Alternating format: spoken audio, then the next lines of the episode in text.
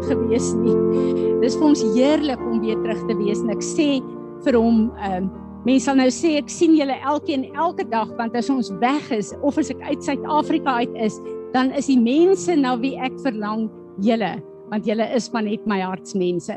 Kom ons staan almal asseblief.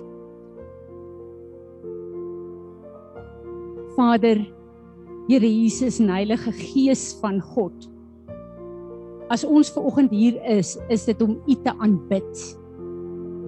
Ons kom met ons fisiese liggame wat U tempel is na hierdie tempel toe om U te eer en om te sê U is waardig om ons tyd in beslag te neem dat ons fisies hier kan wees om te sê Here, ons is lief vir U.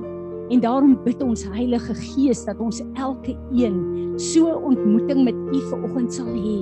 Ek bid dat U vaardig sal raak oor ons elke een en dat U ons in lyn sal bring met die begeerte van ons Vader se hart. Ek bid dat U vandag U woord sal bring, Here, om ons te konfronteer u woord sal bring om ons op 'n plek te bring waar ons 'n uh, 'n uh, u vasgryp Here omdat ons 'n onvermoë het om ons lewe in lyn te bring met u perfekte wil en daarom bid ons dat u woord ons sal was in hierdie oggend dat wanneer ons ver oggend hier uitstap ons nader aan u sal wees dat ons 'n groter begrip sal hê van wie u is Here en van wie u ons kom maak het Dankie dat elke een van ons wat hier staan ver oggend weet ons hoef niks te verduidelik vir u nie. U weet waar ons is, gees, siel en liggaam. U ken ons foute. U ken ons tekortkominge, maar dit beïnvloed nie u liefde vir ons nie en daarom wil ons vir u dankie sê. U sê in Romeine 12 vers 1 Elke een van ons is 'n lewende offer En daarom kom lê ons onsself as lewende offers op u altaar. En ons wil sê Here stuur u vuur en kom verbrand alles in ons lewe wat nie lyk soos Jesus Christus ons Heer en ons meester nie. En ons wil vanoggend kom sê Here Jesus ons is so diep diep dankbaar dat u die prys op Golgotha betaal het omdat nie een van ons dit kon maak om terug te verbind met ons Vader nie. Baie baie dankie. En daarom wil ons ver oggend die lof en die eer en die aanbidding van ons harte vir U bring. En ons wil sê daar is niemand wat met U vergelyk kan word nie. Ons wil sê dat U is die koning van alle konings, maar ons kies om U die Heer en die meester te maak van ons elkeen se lewens. Word verheerlik met wat vandag hier gebeur. Amen. Kom ons aanbid die Here met hierdie lofprysing. Dankie Willem. Amen. Willem, ek wil hê ons moet eindig met hierdie spesifieke song. Want uh, dit is waaroor die woord van vanoggend gaan. Vir my is dit altyd so wonderlik as ek op 'n Sondag hier kom en die worship ouens het is 'n lied wat die Heilige Gees vir hulle gee wat presies aansluit by die woord wat bedien word. En dan weet ons daar's 'n God wat die hoof is van hierdie gemeente. En hy sal met elkeen van die leiers praat om presies te doen wat hy wil gedoen hê in ons elkeen wat hier sit se lewens. En dit is altyd 'n plek wat my so humble en dan besef ek, hierdie gemeente behoort aan hom, dis nie ons gemeente nie. En mag die Here gee dat hy ons sal lei dat wat hier gebeur sy hart is nie ons eie goeie gedagtes nie. Ehm um, ek wil sommer net vinnig ter wille van die besoekers ook sê, dis baie lekker Dirk om jou aanstaande skoonouers hier te hê, Elise om jou ouers te ontmoet. Ehm um, ja, en uh baie van die mense weet miskien nie waarvoor ons staan en waarvoor uh wie ons is nie. Hierdie um, faith mission uh, is waaroor ons staan. Dis ons hele ding hoekom ons hier is. Ons is nie hier om te sit en 'n goeie woord te kry nie. Ons is hier om toegerus te word om daar buite in die plek van invloed waar God ons plek 'n plaas in ons besighede in verskillende plekke van die samelewing om daar 'n verskil te maak deur die woord van God. En uh toe Ruben nou die die die menorah aangesteek het, baie mense wat nie weet wat die menorah is nie. Dis letterlik die kandelaar wat God in 'n gemeente gesit het. So ons kyk na Jesaja maar ook in in die boek Openbaring En dit is die sewevoudige werking van God se Gees. En ons steek dit aan nie omdat baie mense dink die Rooms-Katolieke steek kersse aan nie. Ons steek dit aan om te sê dat ons ehm um, wil hê die sewevoudige werking van God se Gees moet in en deur ons werk elke keer as ons bymekaar kom. Ehm um, goed, ons gaan uh, en dan is daar 'n uh, 'n uh, plek wat vir ons baie baie belangrik is. Ons is 'n huis van gebed. Ons ken die krag van gebed. Ons weet dat wanneer ons bid, is daar 'n God wat nie net luister nie, maar antwoord ook. En dan is dit so wonderlik om te weet daai gebed wat ons van 'n uh, laerskool af leer soos in die hemel kan ons trek om te manifesteer hier op aarde. En dis vir ons baie belangrik om dit te doen. Daarom is daar spesifieke goed. Uh Marine sit net die Zoom ouens op. Uh daar is spesifieke goed waarvoor ons elke Sondag bid in die gemeente. Uh want dit is vir ons belangrik dat gebed die Here het gesê you will be a house of prayer to the nations dat ons dit sal manifesteer en dat gebed 'n groot prioriteit vir ons sal wees. So ek gaan vanoggend vir ehm uh, vir Manny, sal jy vir ons bid vir Suid-Afrika? Uh Izet, ek wil hê jy moet vir ons bid vir Israel asseblief. En dan Isi, jy kan vir ons bid vir Amerika asseblief en dan Andrei, as jy vir ons sal bid vir die uh mense wat siek is nie net in ons gemeente nie maar ook wêreldwyd. Dankie. Kom ons bid saam. Dankie Manny.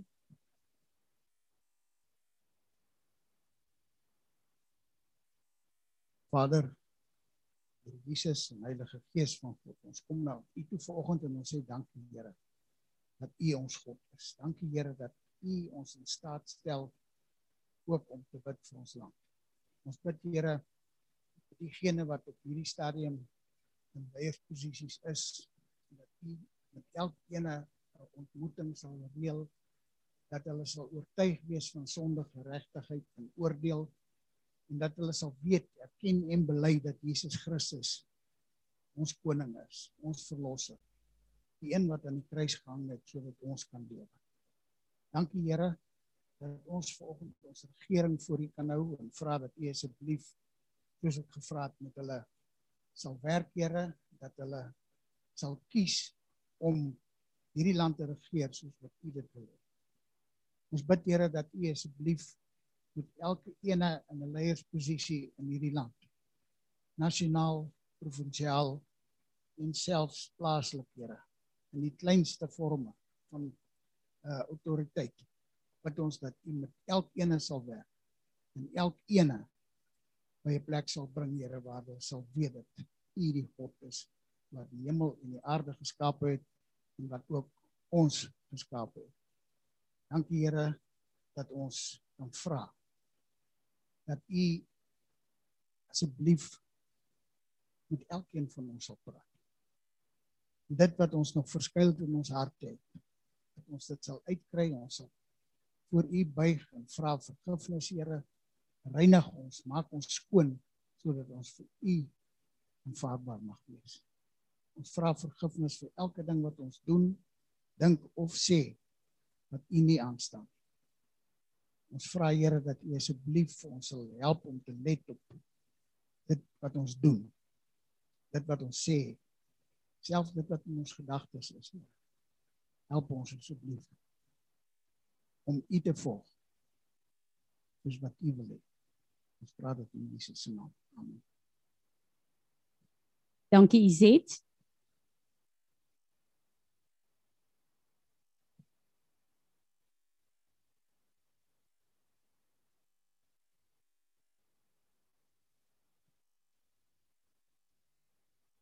Izet.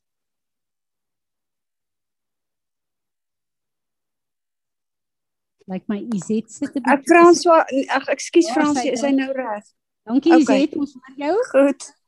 Dankie Vader dat ons weet dat U almagtig is en dat U elke volk en nasie ken en dat U 'n plan het vir elke nasie. Here, ons wil volgens U woord en volgens die skrif wil ons weer vir Israel bid vir oggend. Uh -uh. En ons bid dat asseblief Here dat U planne vir Israel sal waar word veral nou waar daar so baie onrus is, Here, en onsekerheid en tweespalt en verdeling. Here, waar daar oorlog gedurig aan die gang is, waar daar onregverdigheid is en onreëlmatighede. Here, ons bid dat u planne vir Israel sal waar word. Ons bid volgens u woord, Here, dat u 'n remnant sal oorhou, dat u die mense se oë en ore sal oopmaak in die laaste dae, sodat hulle Jesus Christus as hulle verlosser sal erken. Ons bid in gehoorsaamheid vir u woord, Here, ons seën vir Israel en ons vra dat u asseblief u naam sal verheerlik in Israel en dat u koninkryk ook daar sal kom in Jesus naam. Amen. Dankie Izet. Isie, sal jy vir ons bid vir Amerika asseblief?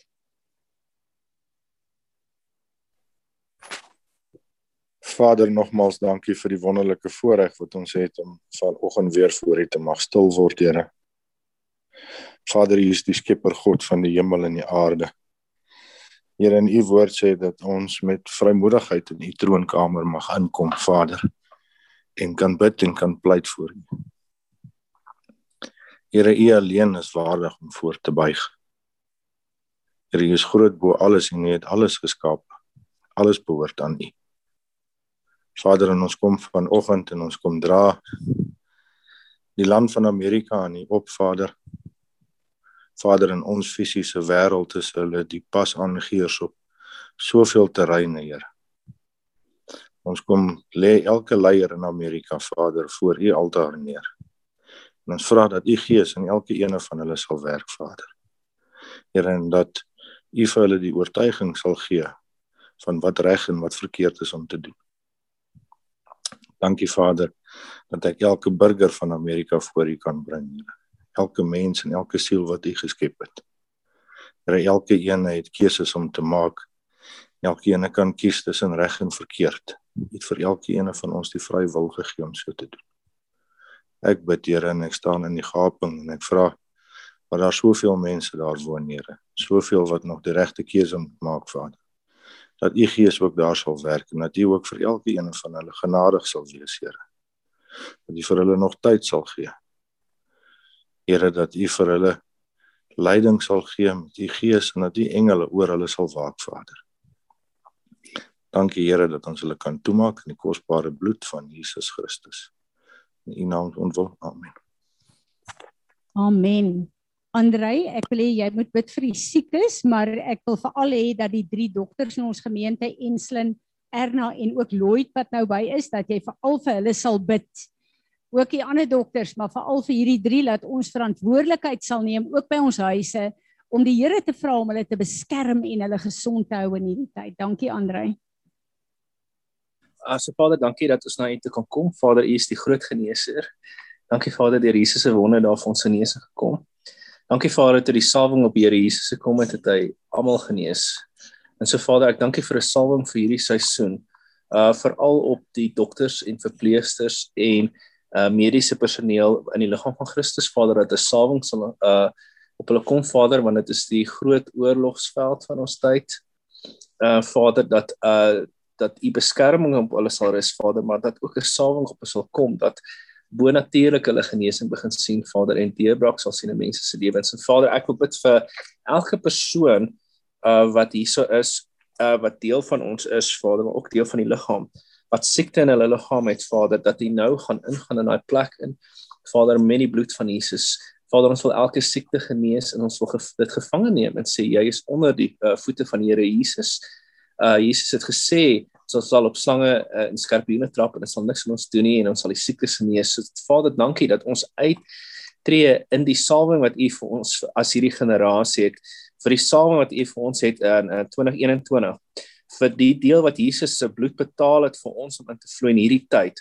En Vader, dankie dat U nou begin die uh poorte van die hemel oopmaak en uh nuwe genesings begin release. Uh die bonatuurlike unusual miracles wat U beloof het vir die eindtye en vir hierdie seisoen Vader.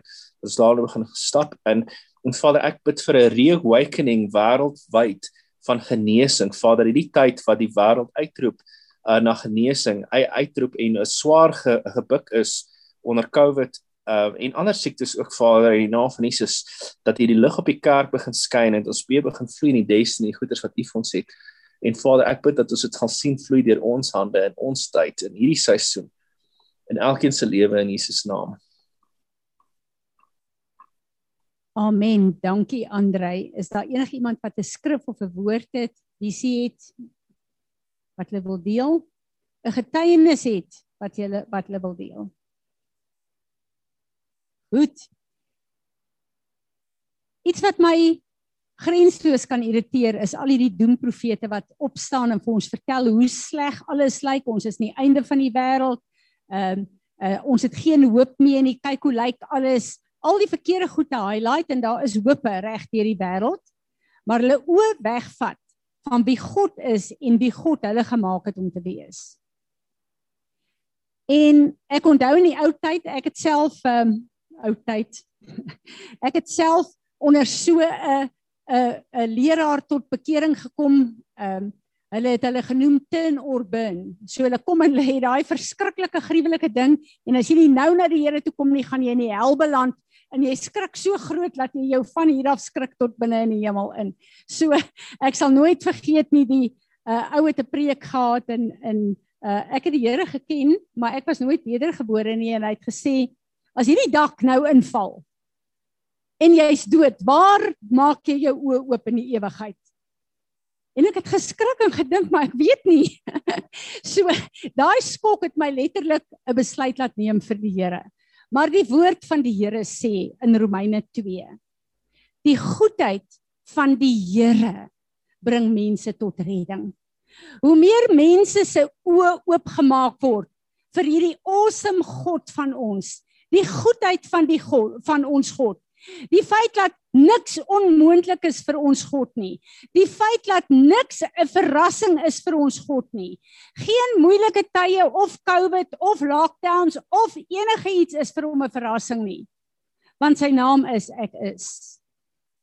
En hy is die God wat gister, vandag tot in alle ewigheid dieselfde is.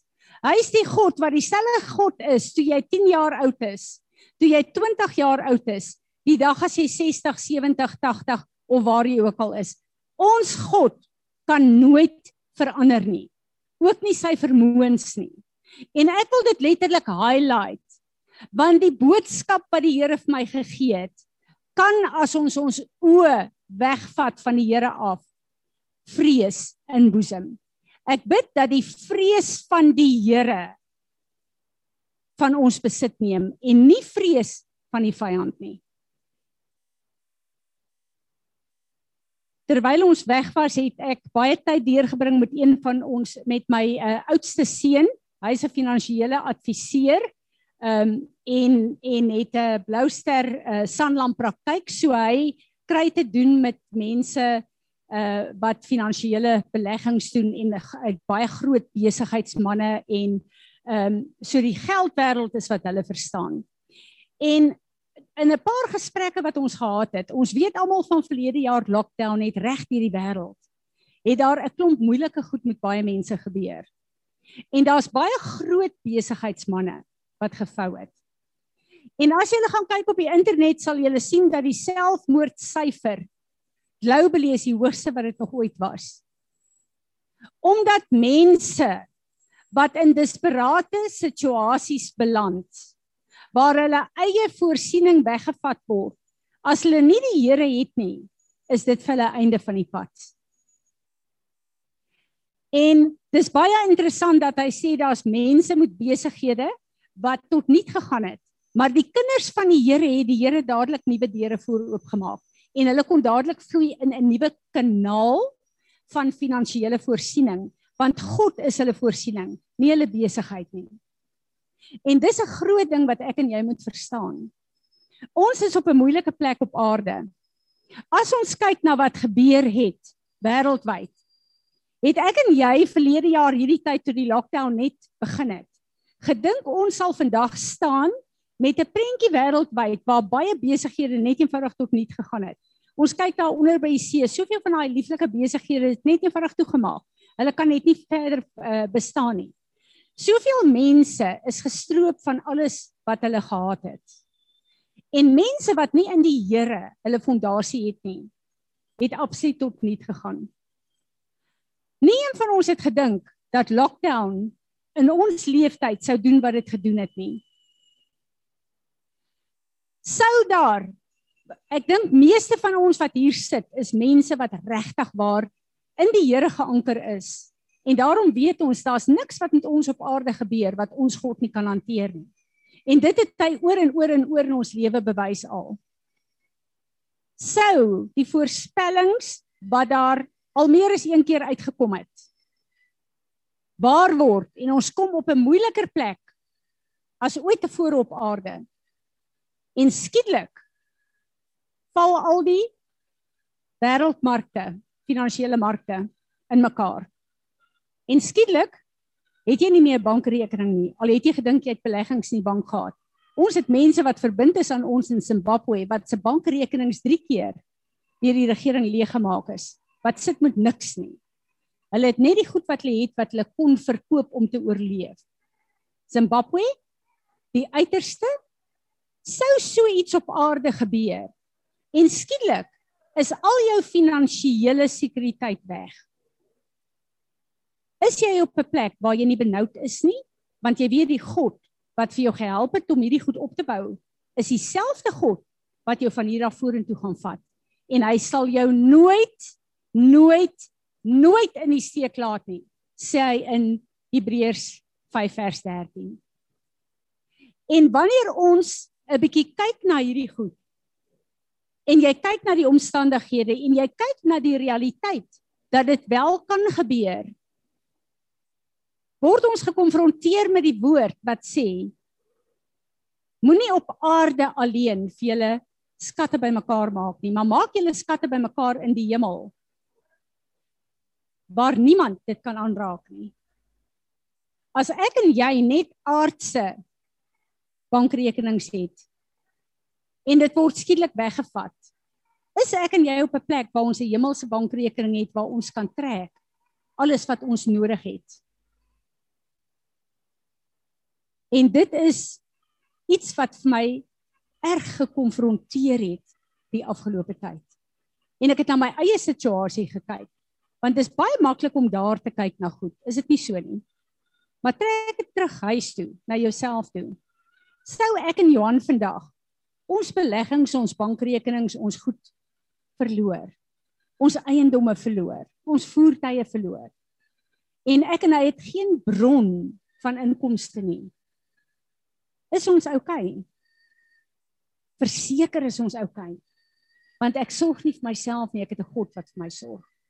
En niks wat met my kan gebeur kan hom beïnvloed om nie die voorsiener in my lewe te bly nie. Maar ek dink om gekonfronteer te word hiermee, bring ons na 'n plek toe waar ons kyk, is ons regtig so afhanklik van die Here soos wat ons dink ons is? En ek wil vir julle getuienis vertel van iets wat die Here vir my gewys het. En asseblief moenie dink ek is oulik nie want ek is nie. Ek dink julle almal ken my. Ek het die Here net so nodig soos julle. Maar deur die pad wat ek met julle gestap het het die Here julle baie van julle gebruik om baie goed in my lewe te ontsluit. En baie uh, ek is geforseer om in baie dieptes in die woord in te gaan en goed te gaan uh, bestudeer en te ontdek En uit dit uit het ek die voorreg gehad om vir die Here drie boeke te skryf. En 'n hele ruk terug toe uh Mactiele in Egipte, dis 'n gemeente wat ons in Egipte uh, mee te doen het. Hierdie man is verbind aan 'n 1000 pastors in die toelande in Asië. En een van my boeke, die finansiële boek, is vertaal in Arabies. En die Here begin met my te praat en sê Fransie ek wil hê jy met al jou boeke release vir Mactiele om te werk en my liggaam toe te rus in daai lande sonder dat jy inkomste daaruit sal kry. En ek dink nee, dis goed want hierdie is in elk geval vir die liggaam. En die Heilige Gees begin met my te praat en sê vir my Fransie, waarvoor het ek jou hierdie boeke laat skryf? Om my liggaam toe te rus, om my liggaam vry te kry want daar's soveel mense wat finansiële bindinge het. En die pad wat ek met jou en Johan geloop het, uit my woord uit het julle op 'n plek van totale vryheid gebring wat finansies betref. Daar's soveel van my kinders wat dit nodig het, veral in daai toelande, want finansies is die grootste probleem om die koninkryk uit te brei in daai lande. En die Here sê vir my release hierdie boeke dat hulle dit kan versprei en kan gebruik. En dat hulle die mense kan toerus. En de, uh, ons oggendgroep het daaroor gebid en ek bid dat die Here dit van krag tot krag sal gebruik. Die van julle wat luister na Dr. Richard Hurt se goed, 2 weke, 3 weke terug. Toe kom hy, uh, dit is ons geestelike vader in Amerika. Hierdie gemeente het oor die 6000 kerke en Bybelskole in Afrika en in Asië. Wat waar hulle die die liggaam van Christus opbou daar. En hy is so opgewonde. Hy sê afgelope 2 weke het iemand na hom toe gekom met twee bedrag geld en sê hier is geld vir twee Bybelskole en nuwe kerke uh wat jy moet vestig in Afrika. En hy's so opgewonde daaroor. En hy begin praat oor finansies en sê die Here praat oor finansies hierdie afgelope tyd en as jy luister na na Pastor Tim ook, dan weet jy dat die Here 'n groot fokus op finansies in hierdie tyd. En die oomblik toe hy sê hulle twee kerke en Bybelskole daar, toe sê Heilige Gees vir my, release al jou boeke dat hulle dit verniet kan print en vir daai ouens wat dit nie kan bekostig nie kan gee om hulle toe te rus. Want ek het nie jou hierdie boeke laat skryf om geld te maak nie maar om my koninkryk uit te brei en om my liggaam op te bou. En ek besef dat omdat veral van die boeke baie goed uh, verkoop het en ek in Johanne goeie inkomste daaruit gekry het het ek my fokus geskuif aan hoeveel boeke verkoop en wat is die inkomste vir my En ek moes voor die Here bely en sê Here, ek is jammer. So wat ek vir julle wil sê, bid saam met my. Hierdie boeke is nie bo is boeke ek het dit geskryf, maar dis ons gemeente se boeke. Dat Vader hierdie boeke sal gebruik vir bevryding vir sy kerk in Afrika, maar ook in Asië en in al daai verskillende lande waarin hulle verbind is. En dat die Here hierdie goed sal gebruik as 'n kragtige instrument vir hom en vir sy koninkryk. Die Here laat my fokus op Salomo en Salomo se lewe. En ons almal dink die oomblik as ons aan koning Salomo dink aan hierdie fenominale hoogs intelligente mens wat 'n gedeelte van die Bybel geskryf het, maar wat so 'n kragmanifestasie in die hele wêreld gehad het dat konings na hom toe gekom het om te kom hoor van hierdie wysheid. Hy was die rykste man wat daar is. Was hy is die slimste man wat daar is. Was ons kan sê is want want uh, sy geskrifte is nog steeds daar. Maar 'n uh, interessante ding, toe God vir hom gesê het, uh hy gaan koning word, het die Here vir hom gesê jy kan vir my enigiets vra. En wat het Salomo? 'n Man wat nog nie koning was nie, hy begin nou. Hy moet hierdie groot volk lei. Hy moet doen wat God hom geroep het om te doen. Wat vra hy die Here? Hy sê Here, ek wil wysheid hê nie rykdom, nie al die goed wat hy in elk geval gekry het nie, maar ek wil wysheid hê.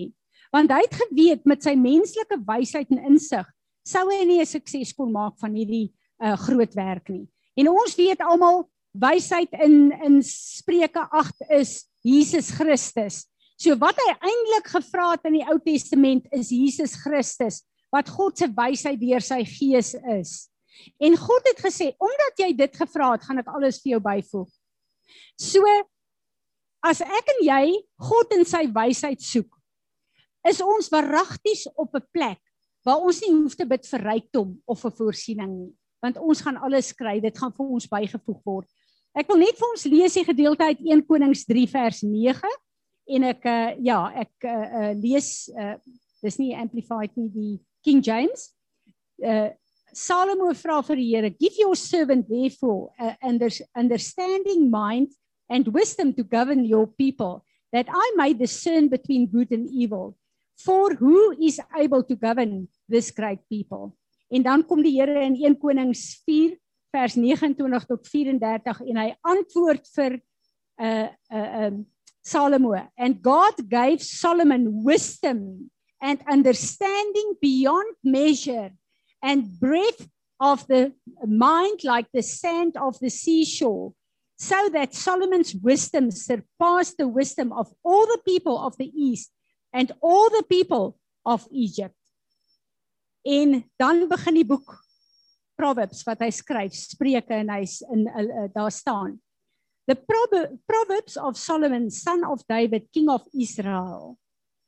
To know wisdom and instruction, to understand words of insight, to receive instruction in wise dealing, in righteousness, justice, in equity, to give uh, prudence to the simple, knowledge and discretion to the youth. Let the wise hear and increase in learning, and the one who understands abstains guidance. Hier kom Salomo, hierdie man wat ons nou weet waar hy geëindig het. En hy kom gryp die Here vas en hy skryf goed soos die begin die begin van wysheid is die dien van die Here. As jy God dien, die een wat jou geskaap het, die een wat besluit het wie jy is, wat jy op aarde gaan doen, waarvoor hy jou aarde toe gestuur het. As jy hierdie persoon, hierdie Skepper begin dien, dan kom jou lewe in lyn met die sukses wat hy jou aarde toe voorgestuur het. En dit is my interessant vanoggend vroeg toe ek iemand bedien. Bring die Here die skrif van Genesis voor my en hy sê toe hy alles wat hy geskaap het, het hy gesê dis goed. Maar toe hy my en jou geskaap het, het hy gesê dis baie goed. God het elke een van ons aarde toe gestuur met 'n bloudruk plan wat in sy oë baie goed is. Ek en jy laat toelaat omstandighede en mense ons wegtrek en beïnvloed weg van God se plan van ons. En dit is waar die probleem kom. Ek en jy kies om op onsself en op ander mense staat te maak. En op die vyand staat te maak om vir ons deure oop te maak en paaie oop te maak wat nie God is nie. En dan kom ek en jy in moeilike situasies en moeilike omstandighede. As ek en jy regtig op 'n plek bly waar ons God ken in ons elke dag se lewe. In ons besluite, in ons planne, dan's ek en jy die suksesverhaal wat God aarde toe gestuur het. En julle en ek weet dit beteken nie ons het 'n lewe van maanskyn en rose nie. Op hierdie aarde wat onder die beheer is van die god van hierdie wêreld wat se naam Satan is, is daar baie baie goed wat ons wegtrek en vir ons strikke is en vir ons moeilikheid gee hier op aarde. Maar daar's geen probleem en geen moeilikheid wat ek en jy mee gekonfronteer kan word wat ons God nie kan oplos nie. Wat Jesus nie op Golgotha afgehandel het nie. So te midde van die grootste krisis in ons lewe, as ek en jy God vasgryp in daai krisis, dan kom Romeine 8 vers 28 in werking en God laat alles ten goeie meewerk omdat ek en jy hom liefhet al is ons liefde hoe onvolmaak gemeet teen sy liefde. Die probleem is dat ons toelaat dat omstandighede en verkeerde mense ons wegtrek van die Here af. En een van die plekke wat vir my 'n waarskuwing met 'n rooi lig is, is die plekke wat ons op hoogtepunte is en die grootste sukses in ons lewe behaal. Dis die gevaarlikste plekke want so gou dink jy dis jy en jou eie vermoëns en jy vergeet God. En die oomblik as jy dit doen, dan begin jy net geleidelik weg te trek van die Here af. En een van die groot probleme wat ons kry, is ons lewe raak so vol dat daar nie plek is vir God nie nie. En is maklik om een keer, twee keer, drie keer weg te bly van die samekoms in die gemeente wat God vir ons sê ons moet in hierdie corporate anointing sit. En dan voel ons die eerste of die tweede keer bietjie skuldig, maar baie gou kom ons op 'n plek waar dit nie meer deel is van ons lewe nie, want ons lewe is te besig of een van die dinge wat probleme het eh, gebeur het en ek sê dit nie vir julle zoomers nie ek weet julle is almal meeste van julle ver uh, wat vir ons wonderlik is dat julle kan inskakel maar daar het amper iets van 'n gemaklikheid gekom. Dis net makliker om uh, deur die internet in te skakel by die gemeente is om fisies aan te trek en self te kom en vir die Here te sê Here ek is hier in die fisiese om u te kom aanbid en te honor want hier is 'n salwing van God wat in elke een van ons teenwoordig is wat saam die Engelse noem dit 'n corporate anointing is en wanneer ons bid wanneer ons worship is daar 'n krag van God wat ons lewens aanraak en verander en ek en jy het dit nodig.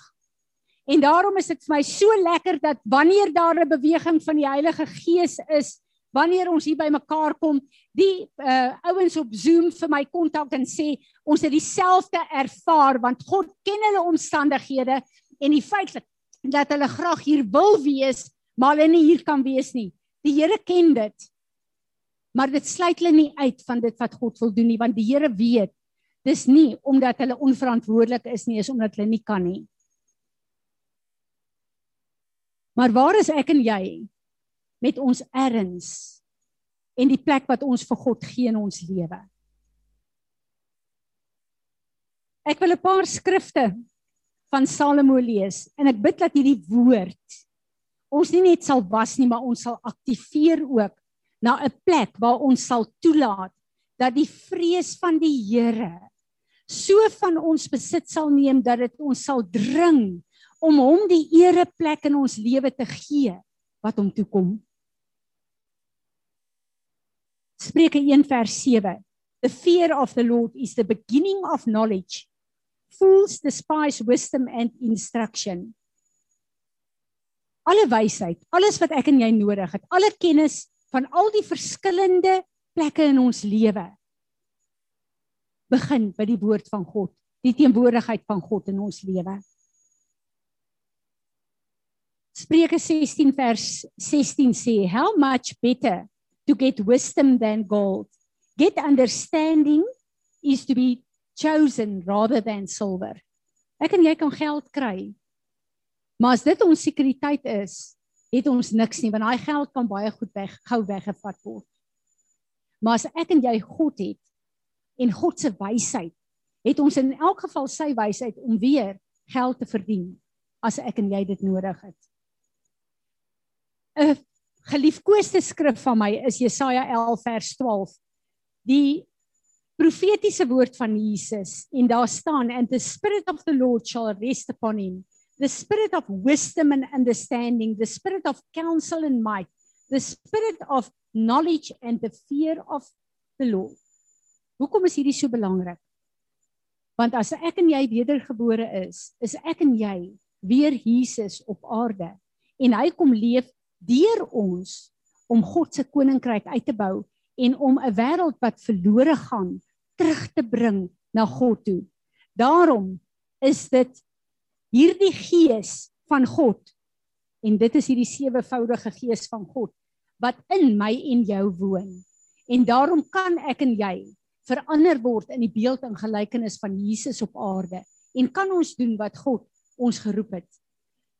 'n Belangrike ding wat hy sê is uh Spreuke 3 vers 7. Be not wise in your own eyes. Fear the Lord and turn away from evil. Ek is baie skrikkerig vir mense wat 'n antwoord vir alles het. En wat so slim is, jy kan hulle enigiets vra, hulle kan jou antwoord. Ek is skrikkerig vir sulke mense. Wysheid in jou eie oë. Salomo sê ook op 'n ander plek, puffs you up. Knowledge puffs you up. En ons weet dat trots en hoogmoed is die karakter van die vyand.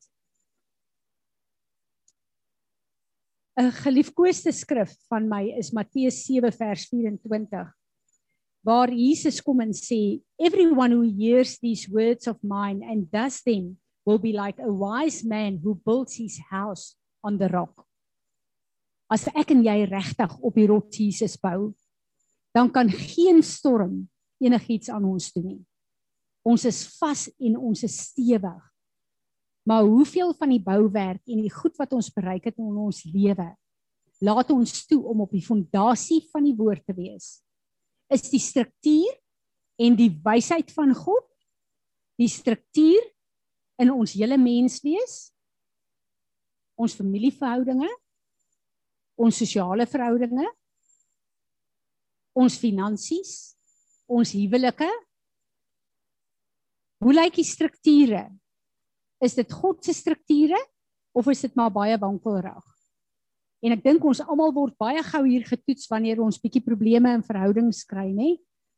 Want uh, baie moeilik om jouself te humble en te luister na skrifte soos wat die Here sê as jy my wil kom aanbid en 'n offer vir my het en jou broer is kwaad teen jou los eers jou offer moenie my aanbid nie gemaak eers reg met jou broer maar Here dis sy skuld dis nie my skuld nie God se strukture dis nie altyd maklik nie maar dis die moeite werd in elke opsig Jakobus 3 vers 13 tot 18. Who is wise in understanding among you?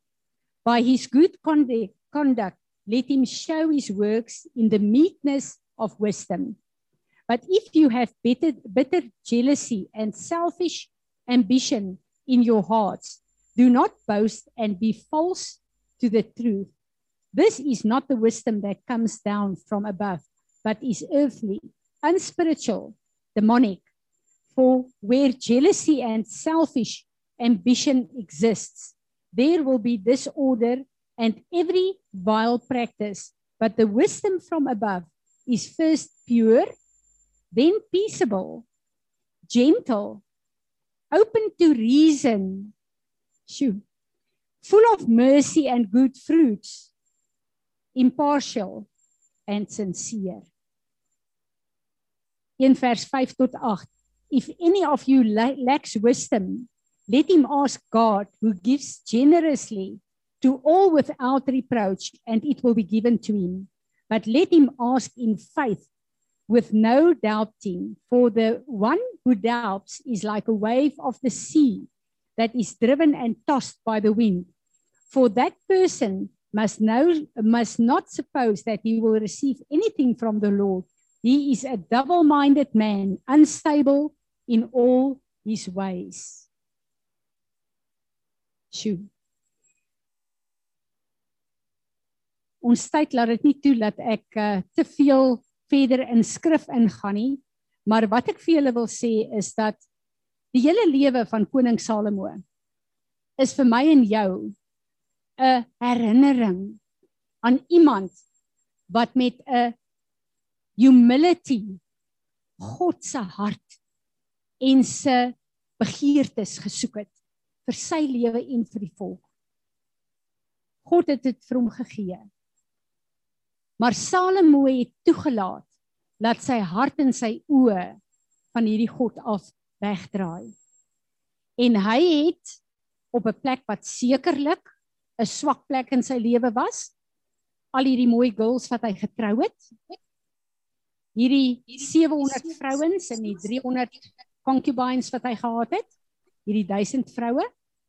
Die woord sê daar vir ons omdat hy hulle wou plesier gee en omdat hy graag in hulle goeie boekies wou bly.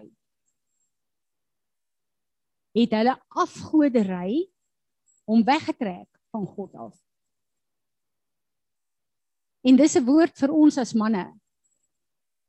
Julle is God se verteenwoordigers in ons huis en julle bepaal hoe God gedien gaan word in julle huis wat julle gesin betref.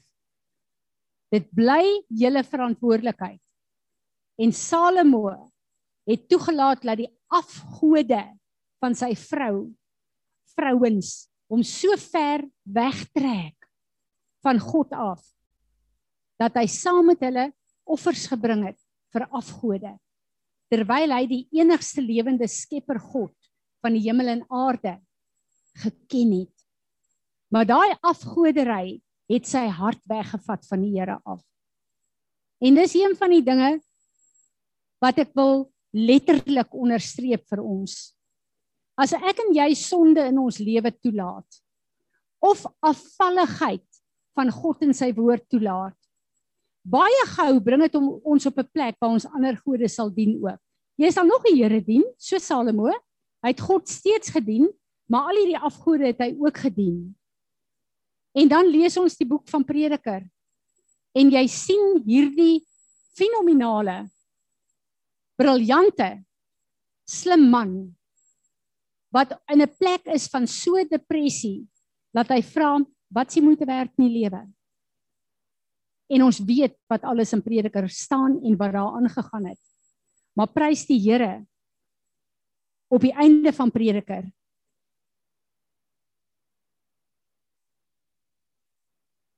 Ekskuus, ek wil gou kyk waar is die skrif. Ehm um, Ja. Ek is so jammer ek het dit nie ehm um, neergeskryf nie. Ja, einde van sy lewe het hy gekom en hy het gesê ehm um, al die goed in die lewe wat hy gedoen het, al hierdie rykdomme, al hierdie goed het hy tot 'n gevolgtrekking gekom. Dis net die Here wat 'n waarde het. En daarom glo ek die feit dat hy aan die einde van sy lewe afsluit met hierdie hoofstuk sal ons vir Salomo saam in die ewigheid sien want sy hart het teruggekeer na God toe. So God, Salomo het alles op aarde gehad. Hy het gemak gehad, hy het rykdom gehad, hy het al hierdie vrouens gehad, hy het al hierdie kinders, hy het die bewondering van die nasies van die wêreld gehad. Hy het alles gehad wat 'n mens op aarde kan begeer. Maar hy het 'n skrif geskryf in uh Spreuke 30. Dit gaan na die einde van van sy uh bediening uh en ook sy sy regering as koning gaan dit na toe waar hy sê moet nie dat ek so ryk word dat ek u sal vergeet nie maar moenie dat ek so arm wees dat ek sal steel nie want hy het besef dat rykdom en sy bekendheid en sy aansien wat hy gehad het nie net in sy eie volk nie maar ook in die nasies van die wêreld het hom weggetrek van God af pas op dat sukses wat ons behaal ons nie wegtrek van die Here af nie. Maar dat ons sal weet alles, alle goeie gawes kom uit God uit. En dat ons hom die eer daarvoor sal gee. En dis so hartseer dat Salomo se sonde, God het gekom en as gevolg van die verbond wat hy met Dawid gehad het, het hy gesê in jou lewenstyd sal jy nooit oorlog hê nie. Maar Salomo was net dood toe word die koninkryk die uh, Israel in twee geskeur. En ons weet uh, Israel is af uh, ingelei in afgoderry en al die verkeerde dinge wat gebeur het. As gevolg van die sonde van 'n koning wat sy hart van God verwyder het en nie gebly het by God nie en nie in, in sy sukses en al hierdie wonderlike dinge wat met hom gebeur het dat hy nie in sy sukses God eerste gestel het nie, maar toegelaat het dat afgode en uh uh sy beroemdheid en sy besittings in die weg gekom het om skeiding te bring tussen hom en God. En ja, ek wil hierdie stukkie net lees wat ek hier geskryf het. The life of Solomon is a great reminder that God wants our hearts, our wisdom, our Bible knowledge, our wealth, our fame, our wife and husband or whatever it is is not what God is interested in. Die Here is nie geïnteresseerd in wie in jou lewe is of wat jy besit of wat jy bereik het nie. Want hy is in elk geval die bron van alles. He wants your heart, he wants your love, he wants you to want him. We must guard our hearts. How can we do that? There are several keys. One, read his word. Ek en jy nie die woord van God lees nie. So vinnig word sy woord uitgedoof uit ons ore uit. Pray daily. Ek en jy nie daagliks met die Here praat nie. Dan verloor ons die vermoë om sy stem te hoor. Confess your sins. In hierdie bediening is ons gewoond gemaak en gedissiplineer dat sondebelyding is ons grootste gawe na ons wedergeboorte. As ek en jy nie daagliks die sonde wat ons doen, deur ons denke, deur ons optrede, deur ons woorde voor God kan bely nie. Kom ons op 'n plek waar ons sonde nie eers meer sien as sonde nie. Submit your will to the Holy Spirit.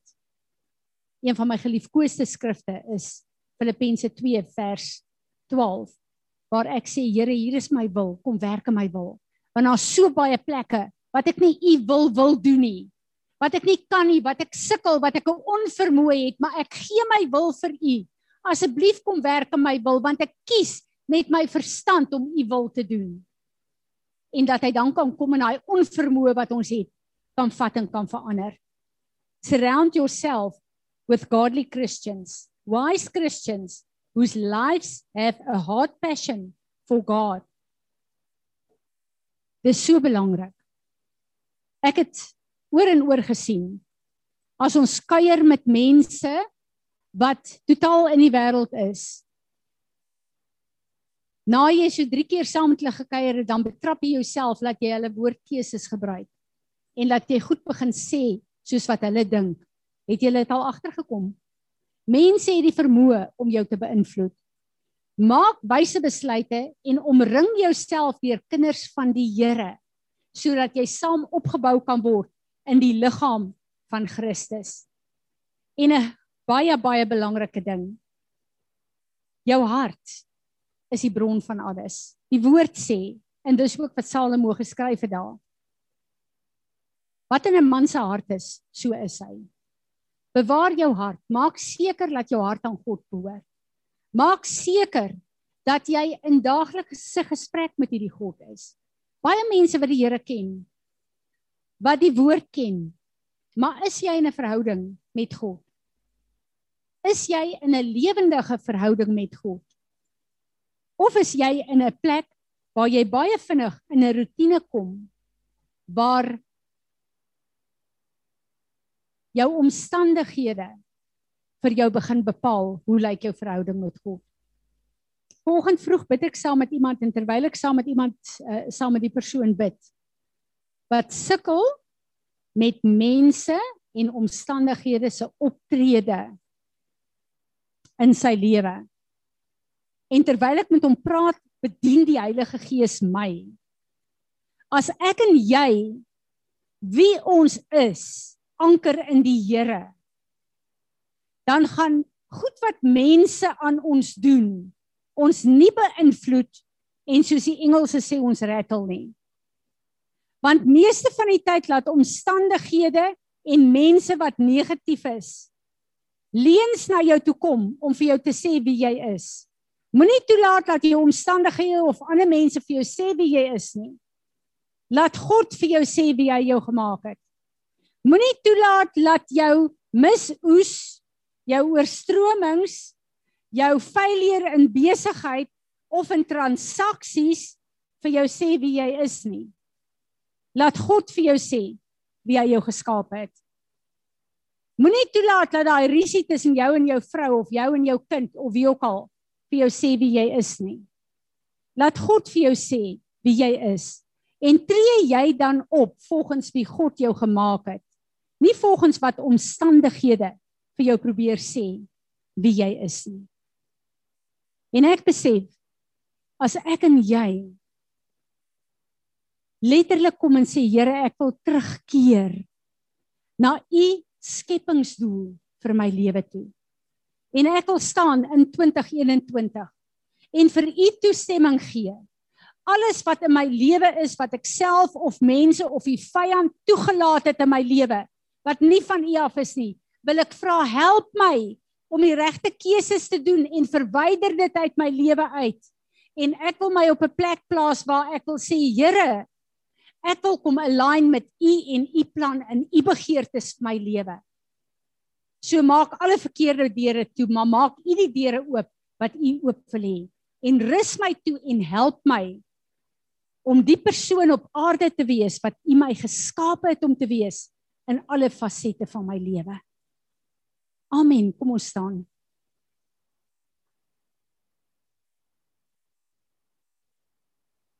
Vader, ons wil vanoggend hier voor U staan. En ons wil vir U sê dankie dat ons U woord het om ons te leer. Dat ons rolmodelle het en voorbeelde in U woord het om ons te leer en te waarsku. En Here, ons wil vandag die waarskuwings wat U woord vir ons gegee het, wil ons so ter harte neem. En ons wil vandag kom, ons wil onsself kom humble voor U. En Here, ek vra vergifnis vir elke plek waar my lewe uit lyn uit is met u perfekte wil vir my lewe. Ek wil vra Here, wys vir my al die plekke waar ek aan verbind is wat nie vir u aanneemlik is nie en help my om daar los te kom. Ek wil elke juk en elke strop wat mense of die vyand of ek self uh, op my gesit het, Here, vir al die vyand deur sy leuns wil ek vandag vra, kom vernietig dit asseblief. U beloof in u woord, u juk is sag en lig. Dis die enigste juk wat ek op my skouers sal toelaat. En Vader, ons wil hier staan in die begin nog van 2021 en vra: Sny ons los, gees, siel en liggaam van alles wat aan ons verbind is wat nie van U af is nie. En ons wil vra dat U elke deur wat in ons lewe verkeerd is, vergewe ons dat ons daai deure oopgemaak het. Wys vir ons waar ons ons lewe en ons gedagtes moet verander. Maar kom maak U daai deure toe en maak U die deure oop wat U in ons lewe wil oop hê. Ons wil vra dat U ons vandag sal posisioneer om hierdie pad te stap in 2021 wat die bloed van Jesus op Golgotha vir ons kom koop het. En ons wil lyk soos die bloudrukplan wat U vir ons lewe geskryf het. Here Jesus, as ons dit bid, dan klink dit vir ons onmoontlik as ons kyk na waar ons lewe is maar dit is vir ons moontlik want U het die prys betaal. Daarom vra ons deur Heilige Gees om doen die werk in ons lewe wat nodig is sodat U naam in en deur ons verheerlik sal word. Amen. Amen. Eugene gaan vandag vir ons die verbondsmaal doen. Ek wil net sê voordat ons uh, Eugene voor jy dit doen, wil ek hê ons moet vir uh Emie stuur vandag. Emie, kom vorentoe. Jou ma en jou pa agter jou. Dis my so lekker is een van ons uh, gemeente jong manne uitgaan in die wêreld en dan dink ek ehm um, Fanny en Tanya gaan nou letterlik voel soos wat Salome voel met Johan wat daar ver is. Maar uh hoe lekker om te weet dat ehm um, die God wat ons dien, is presies waarheen jy gaan. So jy is op die regte plek en daarom kan ons vir hom vra om te doen wat op sy hart is. Dis opgewonde oor hierdie nuwe tyd vir jou. So uh lê hande asseblief op hom julle. Steek julle hande uit na hom toe. Vader, dankie. Dankie vir hierdie wonderlike pad wat U vir hom oopgemaak het. Vader, ek bid dat elke sekonde vandat hy uit hierdie land uitgaan, dat die bloed van Jesus hom sal toedek. Here, ek bid dat U engele sal opdrag gee om hom te ontvang aan die ander kant en ek bid Here dat die tyd wat hy daar gaan wees, 'n tyd gaan wees wat U in sy lewe so wonderlike werk in U verhouding met hom sal doen, maar dat hy absoluut so blessing sal wees vir daai boer en vir daai mense saam met wie hy sal werk en dat die leierskap wat U op hom geplaas het, Here, letterlik 'n salwing sal wees wat U sal uitlaat vloei na elke persoon in daardie uh, werkplek waarmee hy gaan werk. En ek bid dat sy lewe invloed op hulle sal hê Here. En ek bid dat hierdie 'n tyd sal wees waar hy sal ontdek dat daar geen afstand tussen een hom is nie. Al bly hy in Timbuktu. En ons wil u uh, vra om hom te seën Here en om hierdie tyd af te seël en om hom te beskerm ek bid ook vir Fanie en vir Tanya Here vir hulle ouer harte Here dat uh, hulle ook aan U sal vashou. Here ons as ouers, dis nie vir ons altyd maklik as ons kinders uh, as groot mense begin uitstap uit die huis uit nie, maar ek bid dat U ook vir hulle sal vertroos op hierdie plek en dat hierdie ook vir hulle 'n wonderlike plek van nuwe vertroue vir hulle kinders in U sal wees in die naam van Jesus. Ek het so salwing gevoel toe ek vir jou gebid het. So ek bid dat alles wat Vader God vir jou voorberei het hierdie keer dat hy jou sal align daarmee En wat ek regtig ervaar is dat hierdie keer is daar 'n uh, deure wat God vir jou gaan oopsluit. Sjoe, ek weet nie wat se deure nie, maar daar gaan deure wees wat God gaan oopsluit wat jou in jou toekoms gaan beïnvloed en jou gaan posisioneer vir wat God jou geroep het. So ons kyk met 'n verwagting daarna. Amen. En dan natuurlik julle Dirk en Elise trou Saterdag, soos julle almal weet, so ek verwag van julle om asseblief almal saam te bid daarvoor waar hulle hierdie heilige verbond met God gaan sluit. En dit weet ons wat getroudes is. Hoe wonderlik is dit? Hulle mag miskien dalk, hulle is daarmee mee daar nie, ek het al gehoor, op die plek waar maanskyn en rose begin nou vir ons realiteit is. Hierdie is nou 'n plek waar twee klippe mekaar gaan begin skuur en al daai plekke wat grof is, lekker fyn geskuur gaan word. So bid asseblief vir hulle, maar bid dat hierdie 'n awesome dag sal wees en dat dit een van die highlights in hulle uh, memory sal wees. Bid ook vir die ouer pare. Uh dankie Eugene, jy kan vir ons die verbondsmaal kom doen. Is daar enigiemand van julle wat 'n skrif of 'n woord of 'n getuienis het van die woord wat vanoggend uitgegaan het? Willem? Jy nie 'n woord nie. Goed. Daar is hy niemand op die ehm um, niks nie. Daar is hy. Dankie Eugene.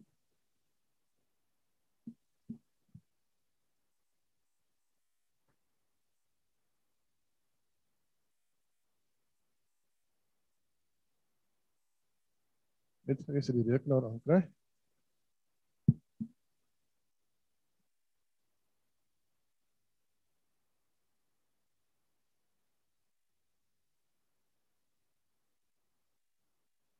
Die printer is stuk en so bes ek julle rekenaar bring.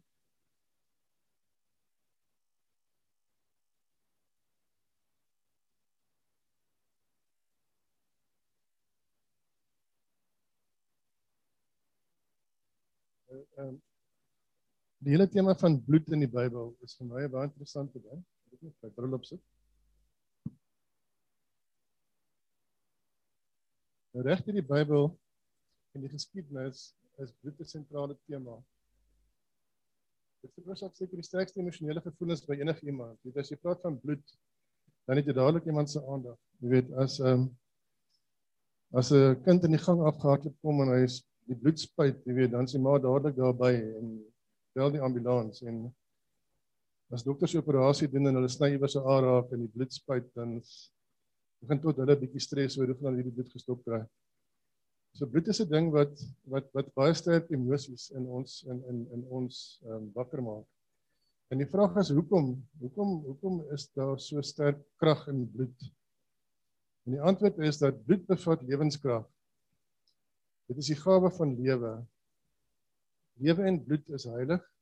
In Levitikus 7 vers 14 sê dit for for the life of every creature is its blood.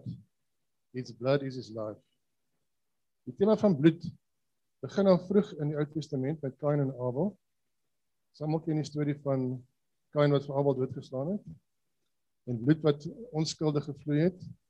Dit roep uit vir vergelding. In Genesis 4:10 sê God vir Kain: "Die stem van die bloed van jou broer roep na my van van die aarde af. Dit is die roep van vergelding. Abel se bloed het sy lewe verteenwoordig. Hy het onskuldige bloedvergieting sprei daar ook baie sterk bloedlynvloeke wat in meeste van ons ons ons bloedlyne is. Tot na die dood spreek die bloed nog steeds deur hierdie bloedlynvloeke na die groot vloed het het, het God toestemming gegee dat ons vleis van diere mag eet, maar nie die bloed nie. Die algemene reël is dat Christene nie bloed mag drink nie. Levitikus 7:10 If anyone of, of, of the house of Israel, all the strangers who lives among them, eats any blood, I will set my face against that person who eats blood and will cut him off from among his people. Vers 11 sê from the life of the flesh is for the life of the flesh is in the blood and I have given it for you on the altar to make atonement for your for your soul. For if the blood that makes atonement by the life, excuse me, for it is the blood that makes atonement for the life. Die nagmaal is ook 'n bloedritueel. In die nagmaal drink ons simbolies Jesus se bloed, eet sy liggaam. Bloedrituele word ook deur sataniste gebruik om baie sterk uh, vloeke te te spreek. Hulle drink ook bloed om om daai lewenskrag uit hierdie bloed uit op te neem. Bloed word ook gebruik om baie sterk bloedverbonde te smee wat oor wat oor generasies ehm um, kom. In die Ou Testament speel bloed 'n baie groot rol gedurende die Pasga Eksodus 12:1 tot 13 bloed van 'n lam wat aan die deur syne gesmeer sodat die engel sal verbygaan. Die engel sê sodat die angel of death will pass over. Eenmal per jaar gedurende die day of atonement of Yom Kippur het die hoofpriester die allerheiligste binne gegaan om 'n bloedoffer te bring om die sondes van die volk te bly. Bloed van 'n bok of 'n bul was dan op die altaar gesprinkel Die lewe van die dier is geoffer om versoening te bring tussen God en die mens. En die dier se lewe is geoffer in die plek van die lewe van mense. Ook toe God 'n verbond gesluit het met die Israeliete by Sinaï, het Moses die helfte van die bloed van die os oor die altaar gesprinkel en die ander helfte het hy gesprinkel oor die Israeliete. Nou kom ons by die bloed van Jesus. As gevolg van die verhouding tussen bloed en lewe simboliseer simboliseer bloed die vernaamste offer aan God. Ons dood ekskuus tog. God eis dat sonde gestraf word en die enigste straf is ewige dood. Ons dood, asook die dood van die diere, is nie genoeg om verzoening of atonement tussen met God te bewerk nie. Die perfekte sondelose offer is nodig. Jesus was die perfekte offer, die volledige en ewige offer om te betaal vir ons sondes. Jesus het die hoofpriester geword wat die hemel die allerheiligste binne gegaan het en nie deur die bloed van van diere nie, maar deur sy eie bloed aan die kruis. Jesus het sy lewe uitgestort as die finale offerande vir ons sondes. Dit word die fondasie van nuwe verbond van genade. By die laaste maal het Jesus Jesus vir sy disippels gesê, "This cup that I poured out for you is the new covenant in my blood." Lukas 22:20. En nou wat doen die bloed van Jesus vir ons? Die bloed van Jesus het krag om ons terug te koop. Efesiërs 1:7 In hom het ons redding deur sy bloed, vergifnis van sondes deur sy genade. Hebreërs 9:12 Met sy eie bloed en nie die bloed van diere nie, het hy die allerheiligste binne gegaan en het hy ons redding verseker vir ewig. Jesus se bloed versoen ons met God. Romeine 3:25 For God presented Jesus as as a sacrifice for sin. People are made right with God when they believe that that Jesus sacrificed sacrificed his life shedding his blood. Deur sy bloed het hy ons losprys vir ons betaal Die losprys wat hy betaal het is die bloed van Jesus, die sondelose lam van God. 1 Petrus 1:18 tot 19. Openbaring 5 vers 9. And they sang a new song saying, Worthy are you to take a scroll and to open the seals, for you were slain and by the blood you ransomed you ransomed people for God from from every tribe and language and people and nation. Deur sy bloed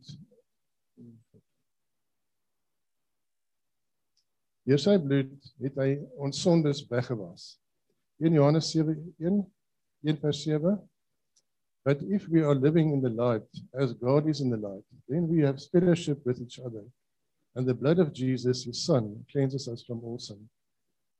Sy bloed bring vergifnis. Hebreërs 9:22 Indeed under the law amongst almost everything is purified with blood. And without the shedding of blood there is no forgiveness of sins. Sy bloed sy bloed bevry ons. And from Jesus Christ, he is the, the faithful witness and these things the first to rise from the dead and the ruler of all the kings of the world. All glory to him who loves us and has freed, freed us from our sins by shedding his blood for us. Openbaring in vers 5.